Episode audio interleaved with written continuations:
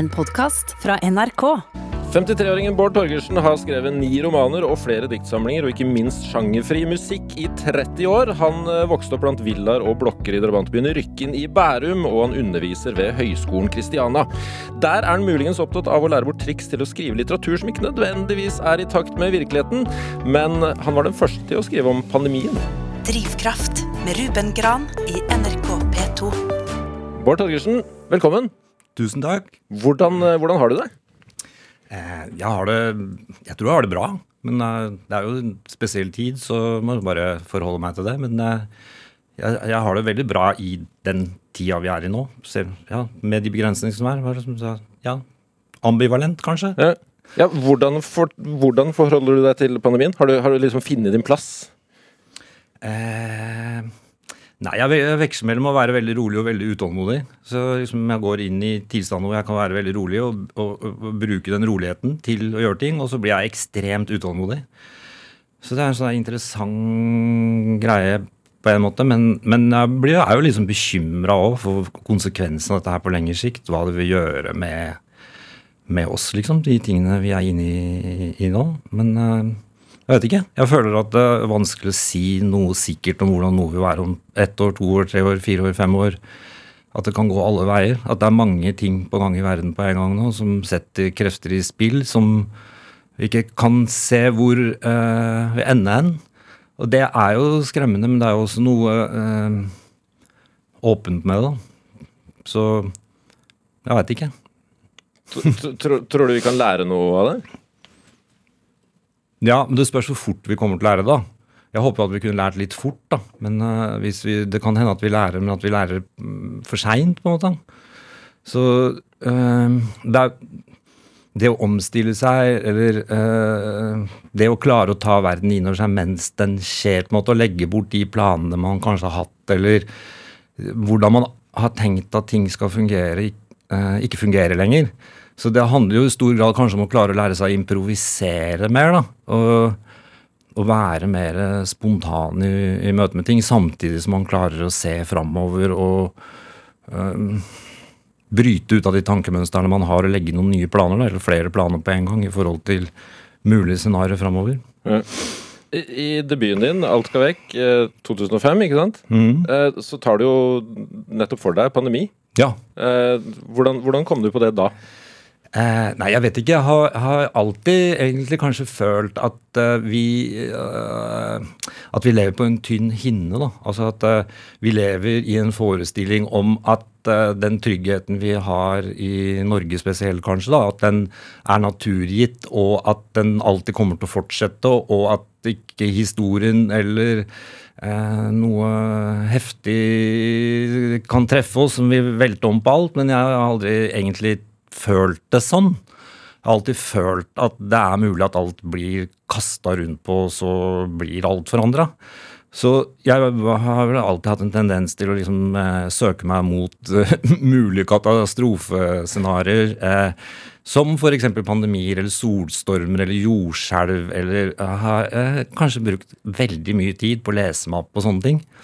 Så jeg hadde en periode hvor jeg leste ekstremt mye om, eh, om, om, om eh, eh, virus og, og muligheten for virus til å lage pandemier. Og jeg leste sånn beredskapsplanene til WHO, og både i forhold til de helsemessige tingene, men også hvordan det ville virke kommun, eh, altså som kommunikasjon rundt det, og impactet det kunne få på samfunnet på forskjellige nivåer. og jeg skjønte jo også at dette var ikke noe som man bare trodde kanskje ville se, men, men som man visste kom til å skje.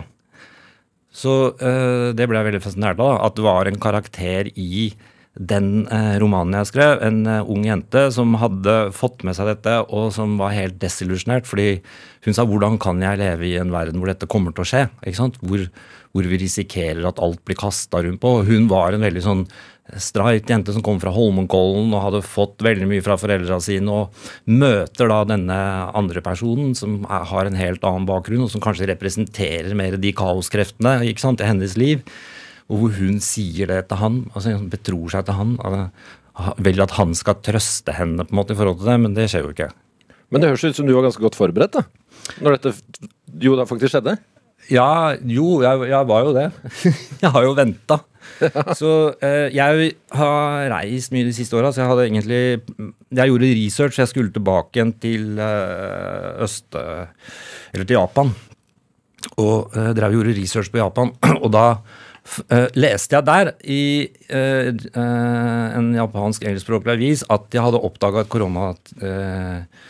koronavirustilfelle, jeg tror det var i Osaka, og at det var en ny type koronavirus, og at det foreløpig ikke var stadfesta om det smitta mellom mennesker.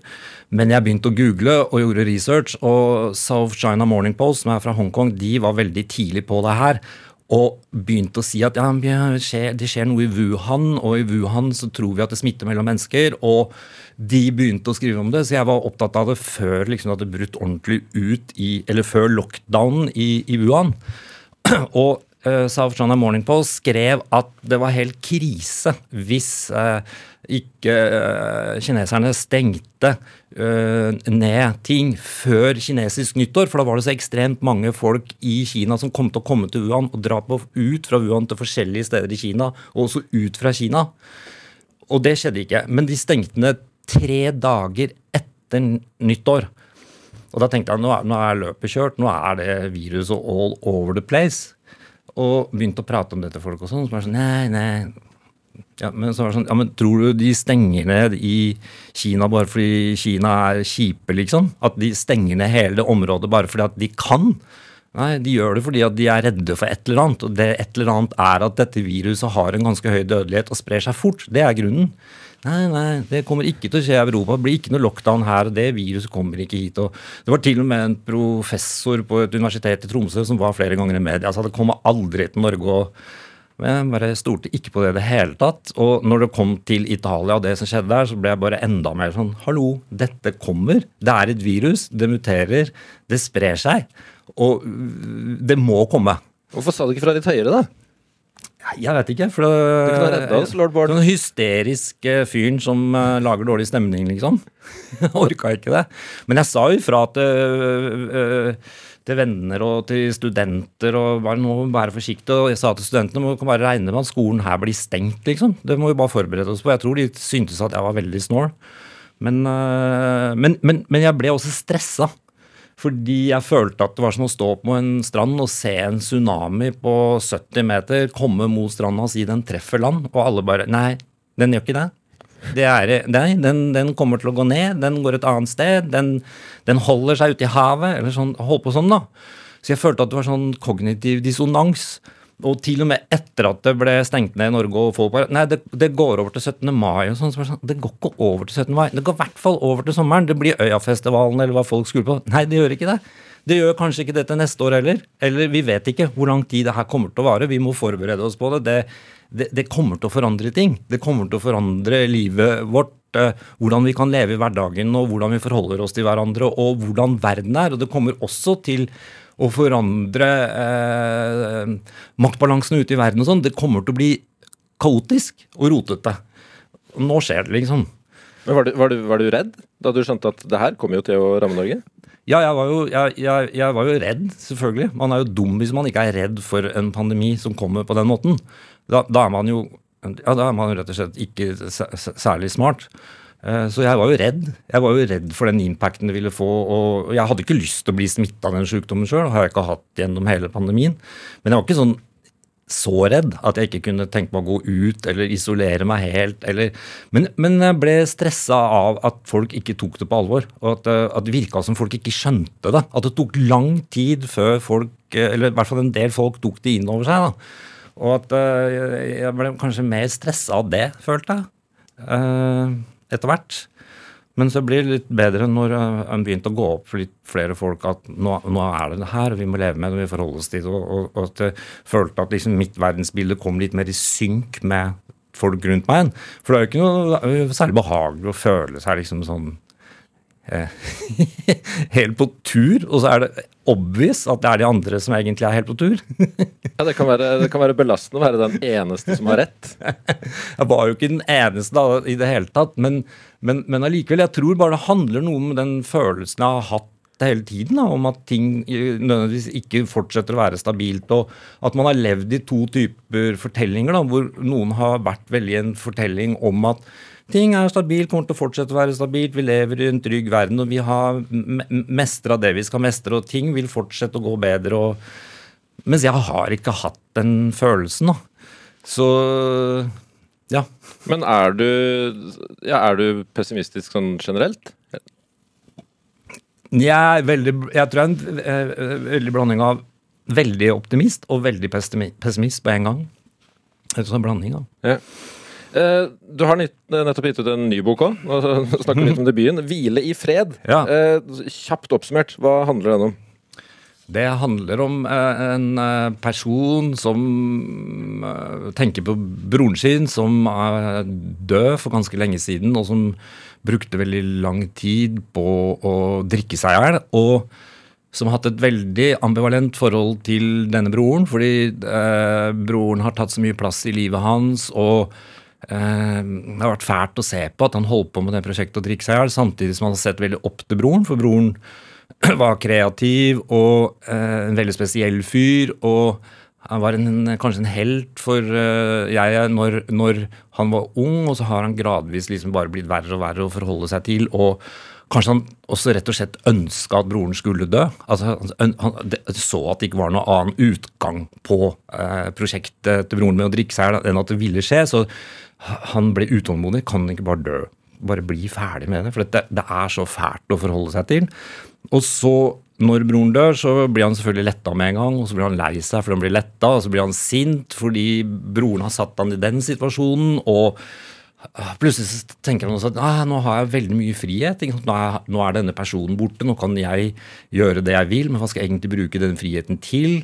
Så oppdager du at du eh, har liksom hatt så mye fokus på den andre personen at det er, er vanskelig å finne ut hva du skal bruke ditt eget liv til, tenker øh, jeg da. Og så begynner jeg å se på seg selv, ikke sant. Og, og begynne å tenke at det er kanskje mye av de tingene som øh, var i, i, i, broren, som, som fins i øh, det, det jeget, som blir synlig, og som er tiltrekkende og frastøtende på en gang. Altså det ønsket om destruktivitet, eller det ønsket om å gi eh, faen i alt. Eh, I å slippe å ha ansvar. I å eh, rett og slett bare forsvinne inn i den figuren som også skriver fram, som er fylliken. Fylliken som en slags sånn mytisk størrelse som eksisterer. Sånn at hvis vi eh, gir slipp på oss sjøl som det individet vi er, og blir til fylliken, så er, er, vi fritatt veldig mye. Men vi eh, mister også veldig mye. Så han kjenner veldig mye på de tingene. Og enda en ting er at han også har et sånt ansvar. Han tenker at hvis jeg slutter å tenke på broren min og prate om han, eller, så vil han forsvinne. Det er mitt ansvar å holde han her enda. Så det er vel et slags sånn oppgjør med både eh, broren som var, broren som er død, og et oppgjør med seg selv da, som foregår i, i teksten. Hvor, hvor kom den boka fra? Eh, nei, det er jo, det er jo en uh, tematikk som uh, har forfulgt meg lenge. Brødre. Brødre, ja, Helt siden jeg var liten med Brødrene Løvehjerte. jeg tenker at det er en fin greie å, å speile et jeg, speile i et venneforhold, eller speile et jegs forhold til en bror, fordi broren kan være en annen side av jeget. Det er en annen måte å, å vise fram det jeget på, eller Eh, det, det, er, det er et sånn søsken-vennegreie som på en måte kan være veldig nært intimt og flott, men som også veldig fort blir, kan bli destruktivt. Fordi man i sånne forhold kanskje har vanskelig for å opprettholde sine egne grenser for den andre. At man kan bli invadert eller tillater at det skjer. At man flyter sammen og ikke klarer å passe på seg sjøl i den typen relasjoner. Men har eller har du hatt søsken sjøl? Selvfølgelig. Eller det er jo ikke selvfølgelig, men ja, jeg har hatt søsken selv. Ja. Jeg har søsken selv. Mm. ja, er, mm. men, men, du nevnte Brødre Løvehjerte. Mm. Eh, hva, hva, var det du fant der, og når? Eh, nei, det, det, var moren min som leste den for meg, og uh, uh, Nei, Det bare gjorde veldig inntrykk på meg. Jeg, jeg, hvis jeg ikke husker feil, så tror jeg hun begynte å grine når hun leste den. Det er ekstremt rørende. Jeg holder på å begynne å grine bare du nevner den. Ja, jeg begynner å grine når jeg leser det for mine barn. liksom. Så det, det, det er jo noe utrolig eller den boka i det hele tatt, da, som også kanskje er litt, når jeg tenker over det nå, litt i den boka mi òg, for det handler jo om relasjonen etter døden. Det med brødrene som går etter hverandre inn i døden. da. Ikke sant? Så Det er kanskje også et tematikk som er tatt med videre inn her. En slags voksenfortelling da, hvor, hvor den jeget blir med broren inn i døden, eller hent, prøver å hente broren tilbake igjen fra døden til livet. Så, men, men, det er vel kanskje noe med det at jeg var liten, og at det, det, det der med å forholde seg til at livet tar slutt, og at eh, broren dør, og ikke, å slutte å være redd for døden og se for seg muligheter på den andre siden, og så for, i den teksten da, for bli med inn, og så er det noe på den andre siden. Uh, jeg, jeg, vet ikke. Det var, det, var noe, det var, noe, med det som Det er vel det ved alle barn. Akkurat det der. Nærheten til søsken, at det kan ta slutt, og håp om at det skal være noe mer. Eller, men også at det er skremmende, for hva er det som er mer? Og det, er jo noe som jeg har lagt bort i mange år som voksen, for det tenker man jo ikke på. Og det er jo ferdig med å avklart. liksom. Når vi er døde, så er vi døde, og ferdig med det. Men så er det ikke så enkelt, da. For, jeg, har jo hatt eh, relasjoner til folk som har stått meg nær sjøl, som har dødd. Og eh, det, er ikke så enkelt som at når de er borte, så er de borte. Det bestemmer man jo mye sjøl. Og de kan være like mye til stede etter at de er døde.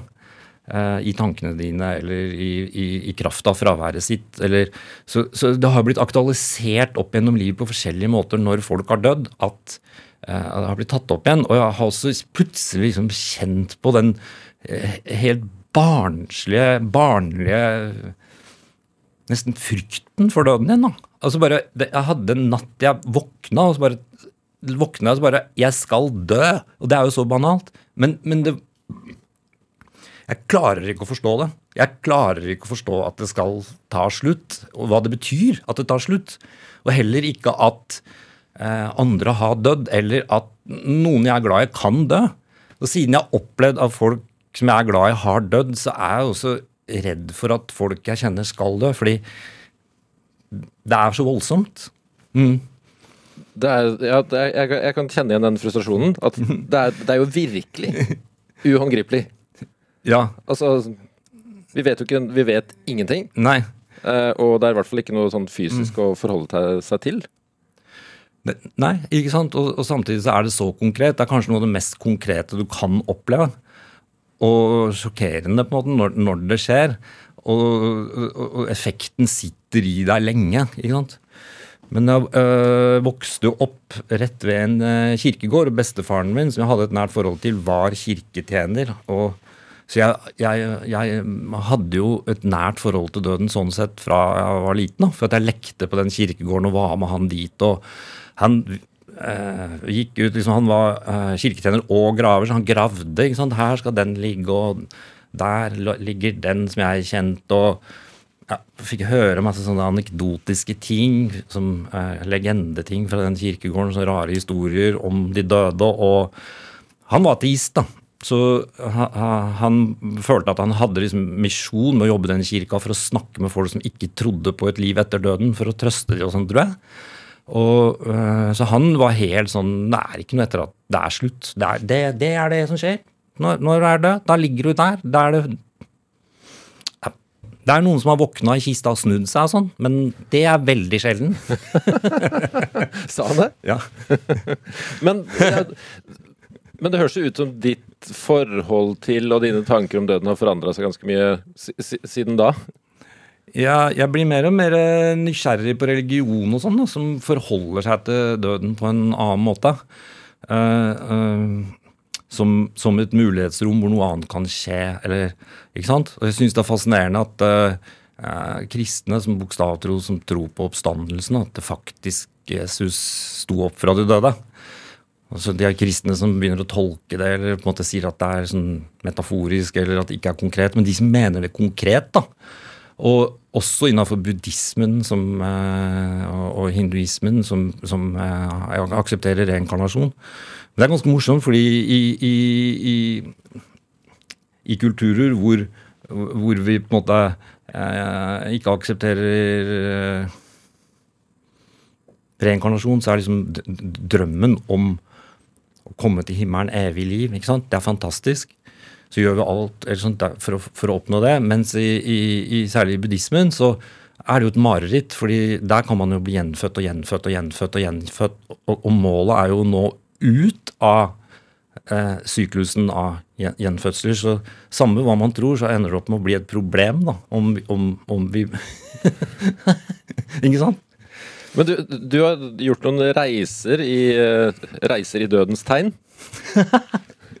Rei, det, det er, oi, oi, oi, for en tittel! Ja. ja. men du har det, har du ikke det?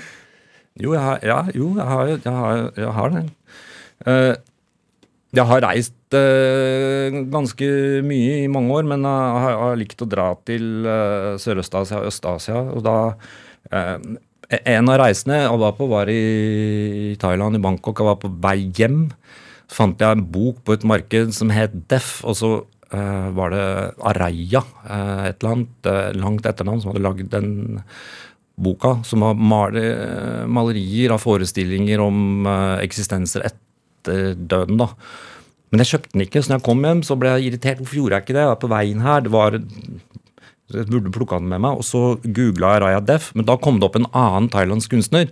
Som er en, var en, en kvinne som hadde masse eh, forskjellige typer eh, utstillinger, performances, hvor hun var på likhus og eh, hadde foredrag for mennesker som nettopp hadde dødd, i likhuset. Og eh, prata med dem om hva, hvor de var nå, og hjalp dem videre inn i døden. da, Og holdt liksom lectures i forhold til det. Og hadde egentlig mange ting som omhandla døden og det gapet, eller det å gå over det gapet. da. Så jeg kontakta henne og sa at jeg ville dra til Thailand for å møte henne. For at uh, jeg var interessert i det. da. Jeg vil, liksom, jeg vil kontakte de døde, da. Og jeg, jeg, vil at du skal hjelpe meg med, med, det. Så jeg dro jo til Thailand og, og møtte henne i, i Chiang Mai. Og, hvor hun prata med meg, og, og, som var veldig bra. fordi hun sa ikke sant, Jeg er jo ikke buddhist, så, så for meg så møter jeg til døde i kunsten. Så da gikk det opp i lyset meg. Det, det er jo, ja, Fiksjonen er jo på en måte å overskride det mulige. Og jeg kan jo også møte de døde da i, i kunsten. Men det satte meg av gårde på å ville dra enda flere turer, så jeg dro til Vietnam og øh, gjorde research på folk som er åndemedier, og som jobber med å øh, ta imot Eh, enten ånden til folk som er, er avdødd, eller, eller, til ånder som ikke har kommet inn i vår verden ennå, og som eh, utfører ritualer i templer som kan vare i timevis, hvor man spiller høy musikk, og hvor man drikker, og, og hvor mediet da kan ta imot og gestalte forskjellige ånder. da. Så jeg dro jo til Hanoi og gjorde research før jeg dro. Måtte gjøre mer research når jeg kom fram. Fordi det er fremdeles sånn undergrunnsaktivitet. og ikke, altså Man har begynt å få mer og mer aksept for det i, Vietnam, men det var veldig få øh, vietnamesere jeg møtte som visste noe om det i det hele tatt. og sånn, Så jeg hadde klart å hooke opp med noen på Facebook, et medie i et sånt tempel.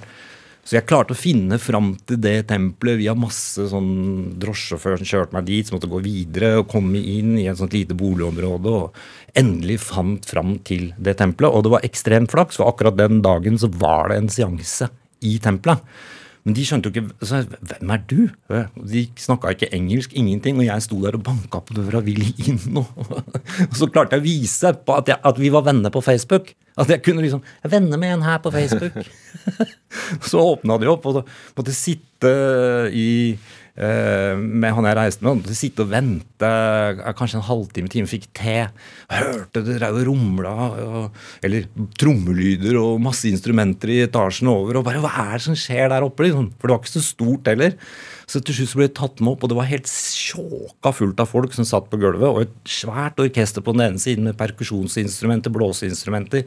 Og et helt fantastisk medie som bytta kostymer og dansa rundt med flammer. og og, og virkelig tok eh, eh, på en liten scene foran med masse neonlys. og ja, Så vi var der og fikk være med på det. og det det var også helt fantastisk. Ja, Hvordan var det? Hva, liksom, hva, kjenner man på når man sitter der som deg? Jeg følte meg bare lykkelig. jeg synes det var, De, bare var, de, de var der, og det var så selvfølgelig, og det var så god stemning, og de, de var så inne i det. Og jeg visste at de hadde sittet der og spilt i timevis. Når vi dro, så kom de kanskje bare til å fortsette å sitte der og spille. liksom, At det var bare noe som pågikk og pågikk og pågikk. Og at det var så hverdagslig på en måte. At, de, at ja, det var eh, eh, at, at det, det, det, opplevdes ikke eksotisk. Jeg hadde tenkt at det skulle gjøre det, men det opplevdes bare sånn Eh, frigjørende eller, eller, bra å være med på. Og det har vært noe med å være i veldig mange av de kulturene. At de liker liksom at de, de religiøse tingene virker mye mer hverdagslige og er til stede mange steder.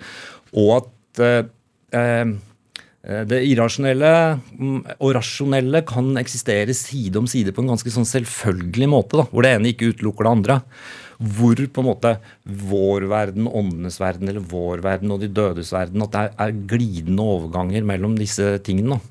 At ikke de er atskilt. Eller at du at, at, Jeg tror også folk har større evne til å eh, romme paradoksale ting. da. F.eks.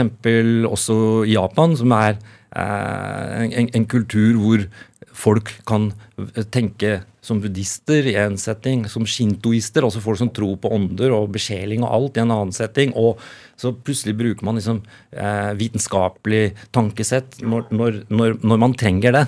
Og at det er ingen som syns du er rar hvis du bytter mellom de tankesettene. At du må velge side. Mm. Du hører Drivkraft i NRK P2. Og her er det Bård Torgersen, eh, forfatter og underviser og musiker og masse greier som er på besøk. Eh, vi snakker om døden i Drivkraft i dag. Ja. Eh, du, du, har vært forholdsvis nær døden et par ganger sjøl. Holdt på å drukne to ganger som barn. Ja. Hva, hva skjedde da? Den øh, første gangen øh, jeg holdt på å drukne, da var jeg ikke mer enn fem-seks, tenker jeg. Og da var vi på ferie, og jeg var med faren min ned på en uh, brygge, og vi skulle fiske krabber. Og jeg kunne ikke svømme. Så uh, vi Det var masse andre barn der òg som uh, også skulle fiske krabber. Men de var uten foreldra sine, så vidt jeg, som jeg kan huske det nå. som jeg, Dette har jo vært gjenfortalt, og sånn, så kanskje det bare er en film som spiller i hodet mitt. Ja, Vi, vi godtar filmen. Vi. vi godtar filmen. Men i hvert fall så øh, dreiv drev jeg og hadde øh, krabbesnøre og sånn. På den ene siden det var en sånn stige som gikk ned i vannet til båtene. Det var ikke noen båter der da. Men og så gikk faren min bort og sa du må holde deg oppe. Du får ikke lov å gå ned den stigen. Du må sitte på brygga. Ikke gå ned den stigen. Og så gikk han over til de andre ungene. og Det første gjorde, var å gå jo selvfølgelig rett ned den stigen. Og så gikk jeg nedover, og så lente jeg meg, og så falt jeg ned. Og så kom jeg meg jo ikke opp igjen. Det var dypt, og jeg ble bare liggende der. Og han var jo opptatt med de. Og så plutselig så snur han seg, så ser han ikke hvor jeg er, og så går han ned, og der ligger jeg på bunnen. Og da eh, får han meg opp og får pumpa vann ut av lungene. og Jeg var bevisstløs og kommer tilbake til bevissthet. Så var jeg selvfølgelig helt omtåka.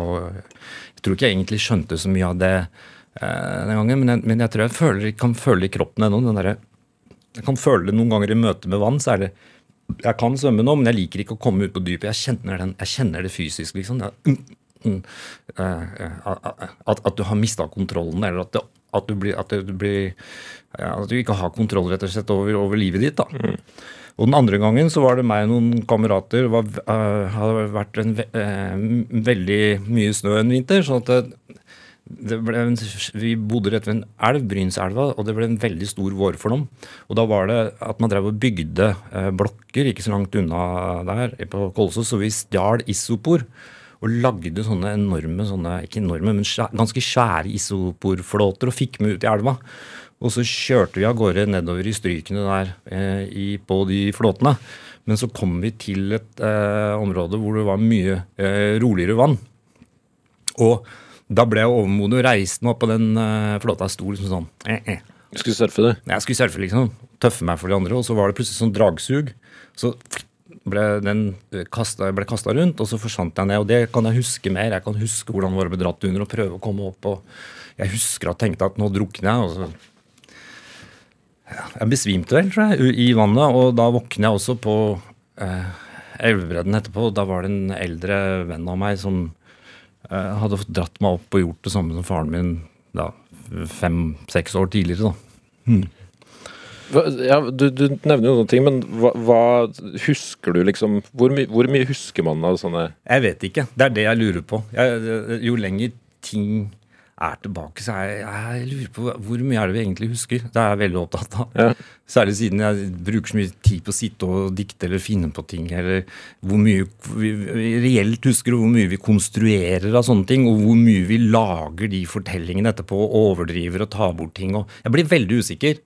Jeg har ikke øh, jeg, jeg kan ikke vite det, men, men, men jeg mener at jeg husker øh, begge episodene. Den, den første mindre, men jeg kan huske brygga. Jeg kan huske det at øh, vi skulle fiske krabber, og jeg kan huske det med at jeg, jeg husker det med at jeg ikke skulle gå ned stigen, og at jeg gjorde det. At det var sånn, at jeg kanskje også, ja, altså ble straffa fordi jeg ikke gjorde det jeg skulle. eller og det som fester seg med den andre episoden, er også det overmotet hybris som straffes. på en måte. Det er straff i begge fortellingene her. da. Eh, og at jeg blir redda hver gang, da. Eh, men jeg husker jo det med den vårdagen. Jeg husker at det var liksom spennende med de flåtene, og at det var gøy, og at det var sånn der eh, ri nedover der, der og liksom, Siden jeg òg var redd for vann, at jeg tenkte liksom at «Jeg- jeg blir med, det går bra. og jeg liksom følte den mestringa, at det var liksom at, at du ga slipp på fornuften, på en måte. da, Bare kasta deg inn i det. Og så at det ikke gikk bra. Og at han eh, At jeg våkna til liv igjen etterpå. Han fikk jo sånn livreddermedalje og sånn. men, men, men kan du huske om du, og eventuelt på hvilken måte du reflekterte rundt at du kunne ha dødd? Var det tolv år du var? Ja, jeg tror ikke jeg reflekterte så mye. Jeg tror det er mer sånn som kommer i etterkant. Tenk på det etterpå, eller at det sitter mer i kroppen, på en måte. Den bevisstheten, eller at kroppen vet at den kunne dø. Føles det mer som en bevisst sånn Og jeg kunne dødd, på en måte. Det Nei, jeg tror ikke det var så sterk bevissthet rundt det da, altså. Nei. Eh, På den tida her så bodde du på Rykkinn mm. i Bærum. Hvordan, eh, hvordan var det der? Det var mange ting på en gang, Ja. egentlig. Det var jo Jeg er født i 67, så de fem første åra av livet mitt så var jo rykken en slags nesten bondebygd. Eh, Det var jo noen bolighus og mange store gårder. og eh, Rett utafor der jeg bodde, var det et lite tjern, og litt lenger opp så var det et litt større tjern, og det rant vann der mellom de to, en bekk, og det var veldig mm, idyllisk. Og det var en skjær på den andre siden av huset vårt, det var sånn hestehavn hvor det gikk masse hester rundt. og det var et hyttefelt faktisk også på toppen liksom, av Rykken-området, hvor folk fra Oslo hadde hytter. Og, så det var ja, en landet. Og så i løpet av de fem åra ble det bygd en drabantby her, hvor eh, med, med rett eh, overfor der jeg bodde, så ble det bygd masse blokker. Og de blokkene var vel en del sånn sosialboliger og billige ting. ikke sant? Så gikk de oppover for, eh, med blokkene, og bak blokkene, høyere opp, så var det rekkehus, og så helt opp på toppen så ble det bygd masse nye eneboliger. Så det var et ganske sånn klassedelt samfunn, altså helt fysisk sett. De rike øverst, rekkehusene i midten, blokkene nederst, og så de som hadde bodd der først, aller nederst, i de gamle boligene. Og jeg bodde en av de gamle boligene nederst da, i, i, i det området. Og det, når du flytter inn 10 000 mennesker på et område på eh, veldig kort tid og skal etablere seg der med så sterke motsetninger, og det er veldig lite eh, tilbud utover å bo og eh, handle i butikken, eh, så er det klart at eh, det, det ble ganske kaotisk og turbulent, rett og slett, da, i de oppstartsårene på det området. Ja, Kaotisk, hvordan da? Det var det, det, det Først så skulle folk bare finne ut av liksom bo der og bli venner med hverandre, og at ting skal feste seg. Bare det er sånn at du har mye urolighet. Folk kom fra mange forskjellige steder i landet. øh, mange forskjellige typer mennesker som skal finne ut av det med hverandre. Og det, øh, mange av barna på altså Det må også sies at inn, altså det var lag- lagd sånn at det var bilvei i en sirkel rundt hele området, og hele området internt var bilfritt. Så det skulle være sånn paradisisk der inne, da. Så, det betydde jo egentlig at veldig mange av barna som var der, ble ganske mye overlatt til seg selv og holdt på for seg sjøl. Og, og så hadde mange hadde foreldre som ikke fulgte opp av forskjellige grunner. Som ikke kunne eller ville, eller øh, eneforsørgere. Eller, og at det ble sånn Ehm, jeg har jo skrevet en roman om Rykke nå som heter 'Lengte knuseslår'. og Der er vel en av de tingene som er der, er at barna opererer for seg sjøl under radaren til de voksne. På godt og vondt. Altså at det var ekstremt mye frihet, men også ekstremt mulig, mange muligheter til å gjøre ting man ikke burde gjøre. Som, eh, ja, som, skjedde, som det skjedde mye av. Hva drev du med der, da? Uh, jeg gjorde vel en del ting jeg ikke burde gjøre, og uh, endte opp med å spille i, band og hold, holde på med det bandet, men, men hadde jo mange venner som var uh, gjorde innbrudd, noen gjorde ran, noen Mange begynte å bruke dop, mange gjorde altfor mye av det. Folk ble skada av det, etter hvert døde av det. Men jeg følte at det, de folka jeg hang med, hadde nok en del sånn oppviglersk eh, trang, energi, men kanaliserte det med å starte et band istedenfor å eh, få, få, ut den energien gjennom det, og ikke velge den andre, enda mer destruktive eh, måten å være på, da. Men Hvordan var hjemmet ditt? Hva slags hjem vokste du opp i på Røkken? Eh, det hjemmet var først en generasjonsbolig hvor jeg bodde med min mor og far og søsken og besteforeldre. Og så ble moren og faren min skilt omtrent samtidig med at hele det der Dramantbyfeltet sto åpent. Så da flytta mamma og eh, tre av søsknene mine, vi var fire, eh, til eh, vekk. Og jeg ble boende igjen med faren min og bestemora bestefaren min i det, i det huset på, på Rykken. Hmm.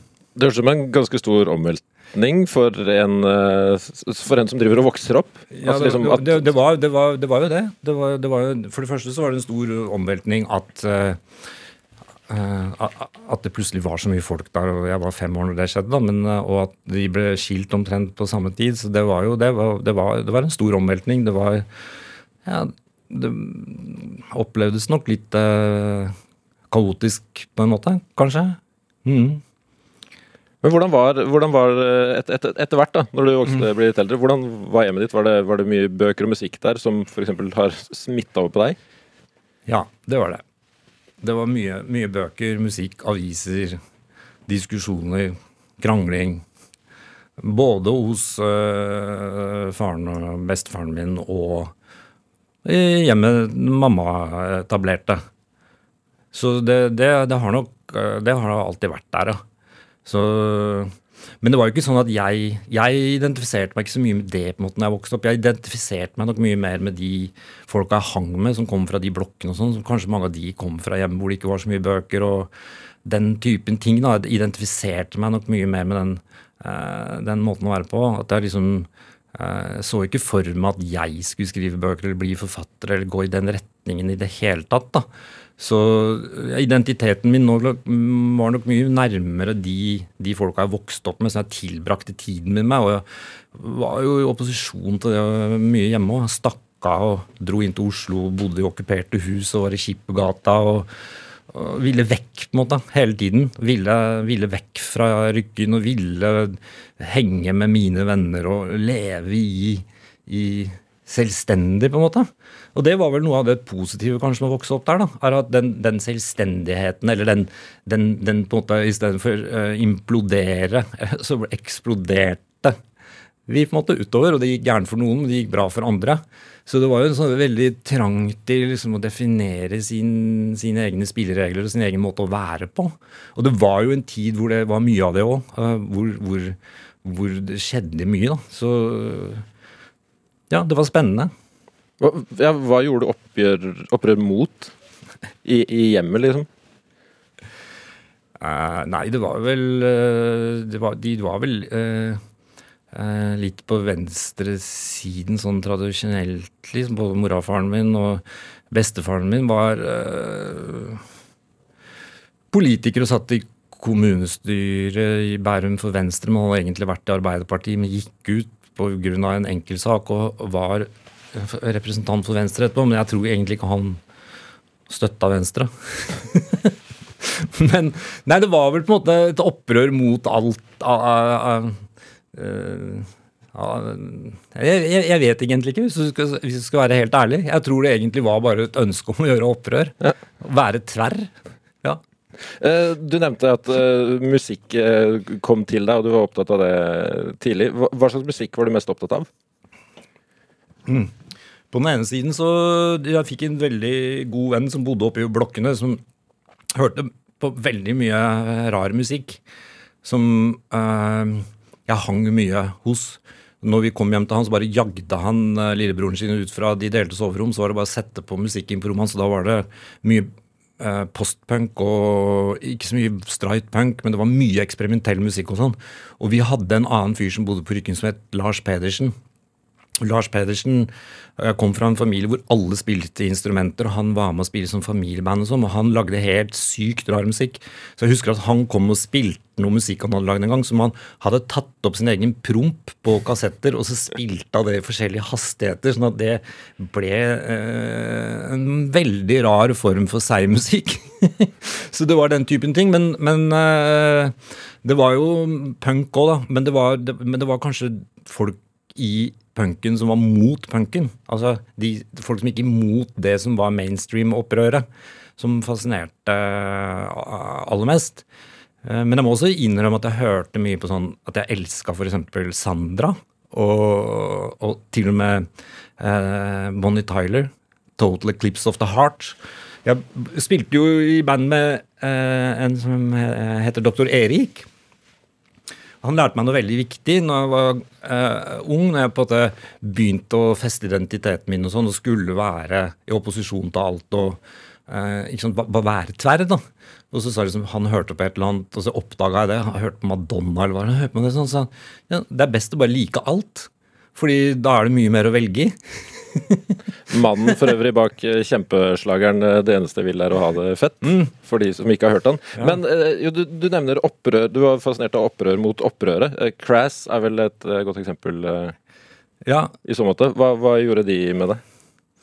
Eh, nei, eh, Crass var jo et engelsk band som eh, besto av en del gamle hippier som hadde plukka opp en mye yngre fyr som var veldig aggressiv.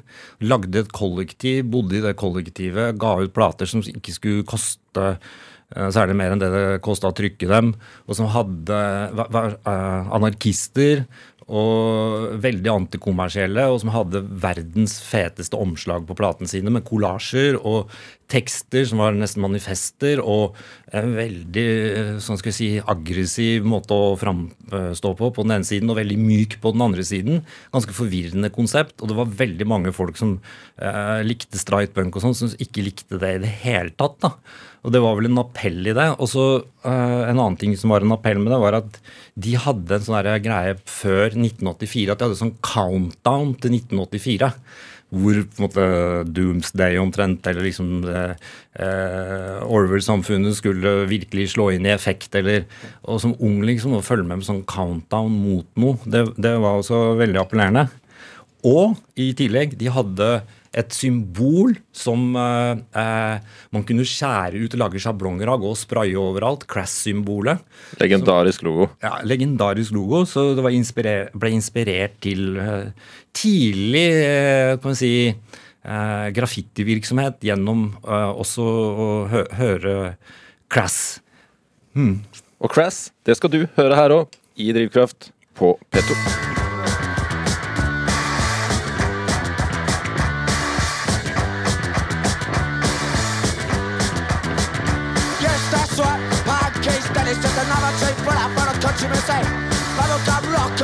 Francis Your boss a dish about my bits on a manners. Safer, yes, brown man a clash. I'm a revolutionist, just some cash. I've become a fashion like hippie used to be I can't think of two if you're me. Mimics are systems, systems kill. Mimics are expressed above public will. I've become a mimic cause you'll feel lost. Leave it sold out, now you're better cuff Punk Nazism on a station, no pub Steve jokes, started doing real work. It's revolution and a good joke from the system systematic image now. Well, I'm tired of staring through sheets like glass. Tired of staring at my superstars' ass. I've got an ass to grab round the night. I just waited for 50 minutes back. See no chance, you're like pop.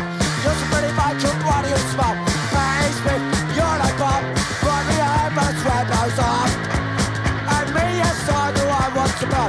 Is there something I can learn? Not on a prism, I'm super my ankles and eyes. The carrots, five, and four, stack. Military citizen and running guy Something like a son of a president of real What's not a style? I dominate?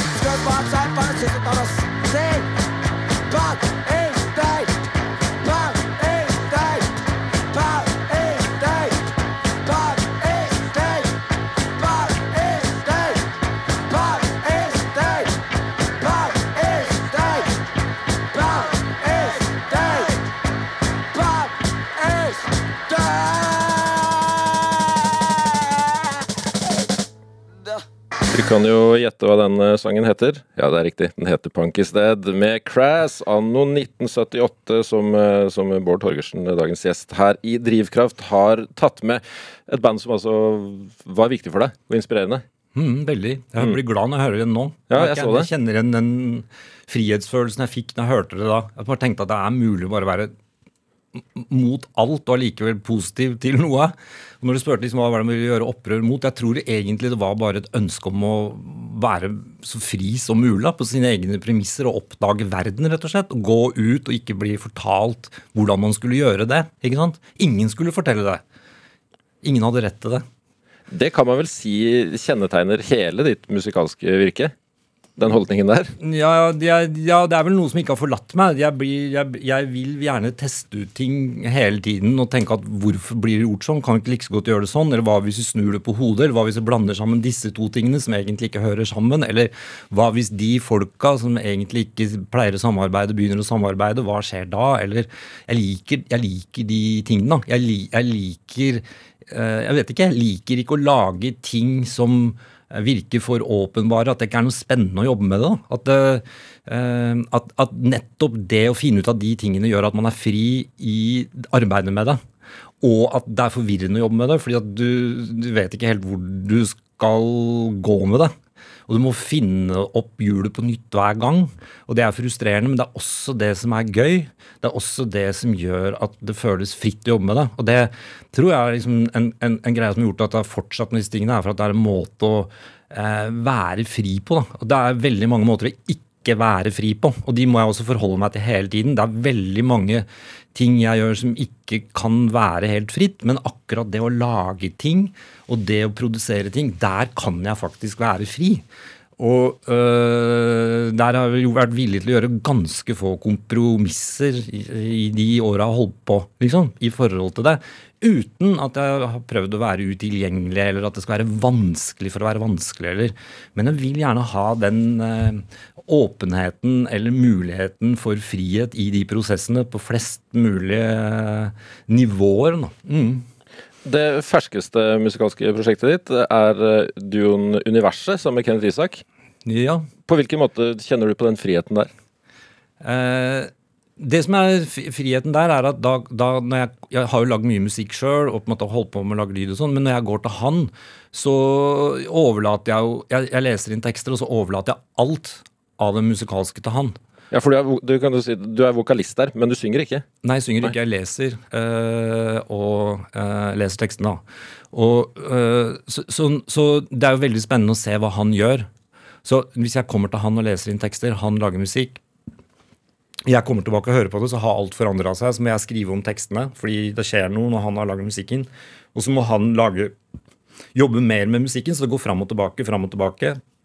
Og det er en prosess som fø- føles veldig spennende, fordi jeg ikke kan bestemme det neste skritt, og det kan jo egentlig ikke han heller, så det blir til i en sånn uh, syntese mellom oss. da, Og det andre er å gjøre det live. Live med at jeg ikke spiller noen ting, eller ikke har noe ansvar for hvordan det høres ut sånn sett live. At det er han og et band. Uh, og han, han har jo en helt annen måte stil og tilnærming til musikk enn det jeg har hatt tidligere. For han jobber jo veldig mye, eh, skriver låter, lager fantastisk fin eh, eh, musikk, vakker musikk. eh, eh, og jeg liker jo det veldig godt sjøl, å høre på det. eh, og mye poporienterte ting, men det er jo ikke noe jeg er i stand til å lage sjøl i det hele tatt. Jeg skulle ønske jeg klarte det, men jeg kan ikke det. Men det kan han. Sånn at når mine tekster møter de tingene, så syns jeg det blir en uh, veldig fin kontrast til det, som jeg ikke hadde vært i stand til å klare å lage sjøl i det hele tatt. Skal vi la folk høre litt hva vi snakker om? Dette er tittelsporet fra siste til universet. Ny tromme.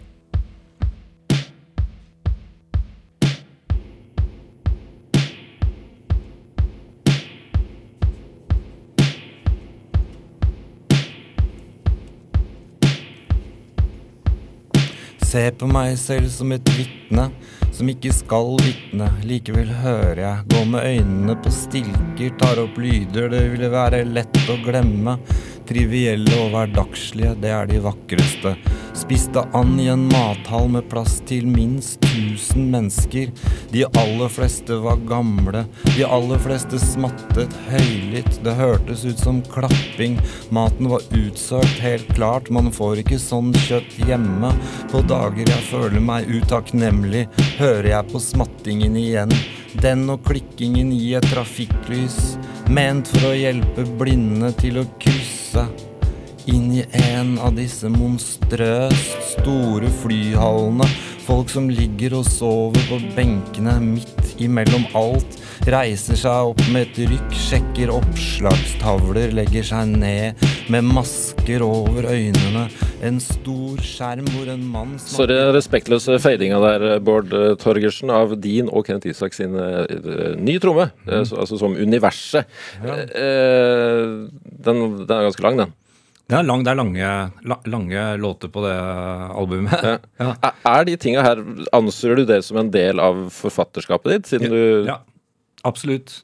Eh, det har blitt mer og mer viktig for meg at alle de tingene jeg gjør, så gjør jeg det som forfatter. At jeg tenker at jeg som forfatter kan ha veldig mange virkemidler eller muligheter til å operere som forfatter. Da. Jeg følte annerledes før. Jeg følte at hvis jeg skrev, så var jeg forfatter. Hvis jeg tok bilder, så var jeg fotograf. Hvis jeg var sånn og sånn, så var jeg de andre tingene. Eh, men egentlig så ble det slitsomt, på en måte, å, å, å dele seg sånn. Så, men jeg tenkte mer og mer at nei, jeg kan gjøre alt som forfatter. En forfatter behøver ikke bare jobbe med språk, man gjøre mange andre ting. da. Og det, så ja, det føler jeg. hva, hva betyr det for deg å skrive?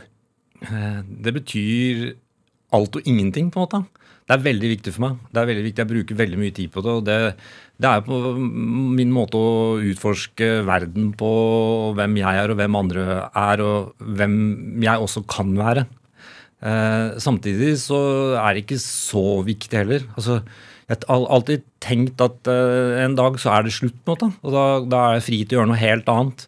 Så det er ikke sånn at jeg binder meg til masta med å måtte skrive hvis det ikke virker fruktbart lenger, eller Men så lenge det er sånn, så betyr det veldig mye. Men, men samtidig så er jeg glad for at det kanskje en dag kan ta slutt, sånn at jeg kan gjøre noe helt annet isteden. Hva, tror du, hva ser du for deg at det kan være? Nei, det er det jeg ikke aner. Eh, Spennende. så, men men det, er åpent, da. Eh, men så lenge skrivinga er en metodikk eller en greie for å gjøre verden åpen, så er det fint, da. Men med en gang det virker som at det bare begynner å lukke eller eh, blir en greie man gjør fordi man alltid har gjort det sånn, så er det jo ikke noe fruktbart lenger. og da, da vil jeg gå til et annet sted, da, hvor jeg kan fortsette å leite etter ting. For det er vel det skrivinga mest av alt har vært. da, En måte å systematisk eh, og intuitivt lete. Og det tror jeg er det som er det viktigste for meg. Det er hele tiden å leite etter ting. da. At, eh, at jeg har en trang til å lete hele tida, og ikke være på det samme stedet. Så, så, så, så lenge skrivinga kan hjelpe meg med det, så er det fint. Men som sagt, hvis det ikke funker lenger, så um, vil jeg lett kunne legge det bak meg. Hva leter du etter, da? Nei, det vet jeg ikke. Jeg bare liker å lete. Jeg tror det er det jeg liker. Å lete. Jeg lete, kan lete etter mange ting, eller forskjellige ting, men det hele tiden å leite liksom, Jeg vet ikke, jeg, jeg, jeg jeg, tror ikke jeg vet hvorfor. Jeg har bare en trang i meg til å bevege meg videre og leite etter noe. Og Jeg liker å finne noe å lete etter, og så lete etter det, og så lage noe basert på det jeg har funnet. eller basert på den leteprosessen. Og så nå er jeg ferdig med det, nå kan jeg gå videre til et nytt sted og fortsette å lete. da, Og produsere noe på bakgrunn av det. Kan du huske at du liksom Et, et øyeblikk hvor du oppdaga, skriving for, for din del? Uh, nei, jeg skrev uh, når jeg var liten nå. Jeg skrev noen sånn Jeg har egentlig skrevet ganske langt tilbake, men uh, Nei, ikke oppdaga skriving på den måten, men jeg kan huske når jeg bestemte meg for at jeg ville skrive den første romanen min. og det var bare sånn tenkt at ok, Jeg har skrevet mye på andre ting, og sånn, men jeg har mange bøker i bokhylla. Hvor vanskelig kan det egentlig være å skrive en roman? Det skal jeg gjøre. Og så var det kjempevanskelig, og det tok fem år. ja, Var det vanskeligere enn du trodde? Ja, det var vanskelig. ja. Det var kjempevanskelig. Det var jo så fritt, det var så mange valg, det var så mange muligheter. Så det å klare å håndtere alle de mulighetene å ta de valgene tok kjempelang tid å skape en retning på det. Men det var veldig gøy, men det var veldig mye vanskeligere enn det jeg trodde. Men du, hva, hva er drivkraften din? jeg, jeg, jeg, tror det må være det jeg sa nå til slutt. Det, det, det å lete. At jeg vil lete. At jeg, at jeg vil fortsette å leite. ja, jeg tror det er det, det som er drivkraften. Jeg håper du finner det du leter etter. Bård Torgersen, tusen takk for eh, besøket. Tusen takk, du òg, for å få være her. Og du som hører på, kan selvfølgelig høre flere Drivkraft-samtaler. Det kan du gjøre i NRK-appen, eller du kan laste oss ned som podkast. Det fins det masse apper du kan gjøre i. Og så kan du sende oss ris eller ros, eller du kan tipse oss om folk du mener har drivkraft, og som jeg bør prate med i en time her på P2. Send oss en e-post til drivkraftalfakrøll... Nei, krøllalfa nrk.no, og så kan du se de eh, flotte gjestene våre på Instagram hos NRK Drivkraft. Produsent har vært Ellen Foss Sørensen. Jeg har fått masse hjelp av Pål Arvid Jørgensen. Jeg har vært eh, Ruben Gran. Ha det godt. Vi hørs. Du har hørt en podkast fra NRK. Hør flere podkaster og din NRK-kanal i appen NRK Radio.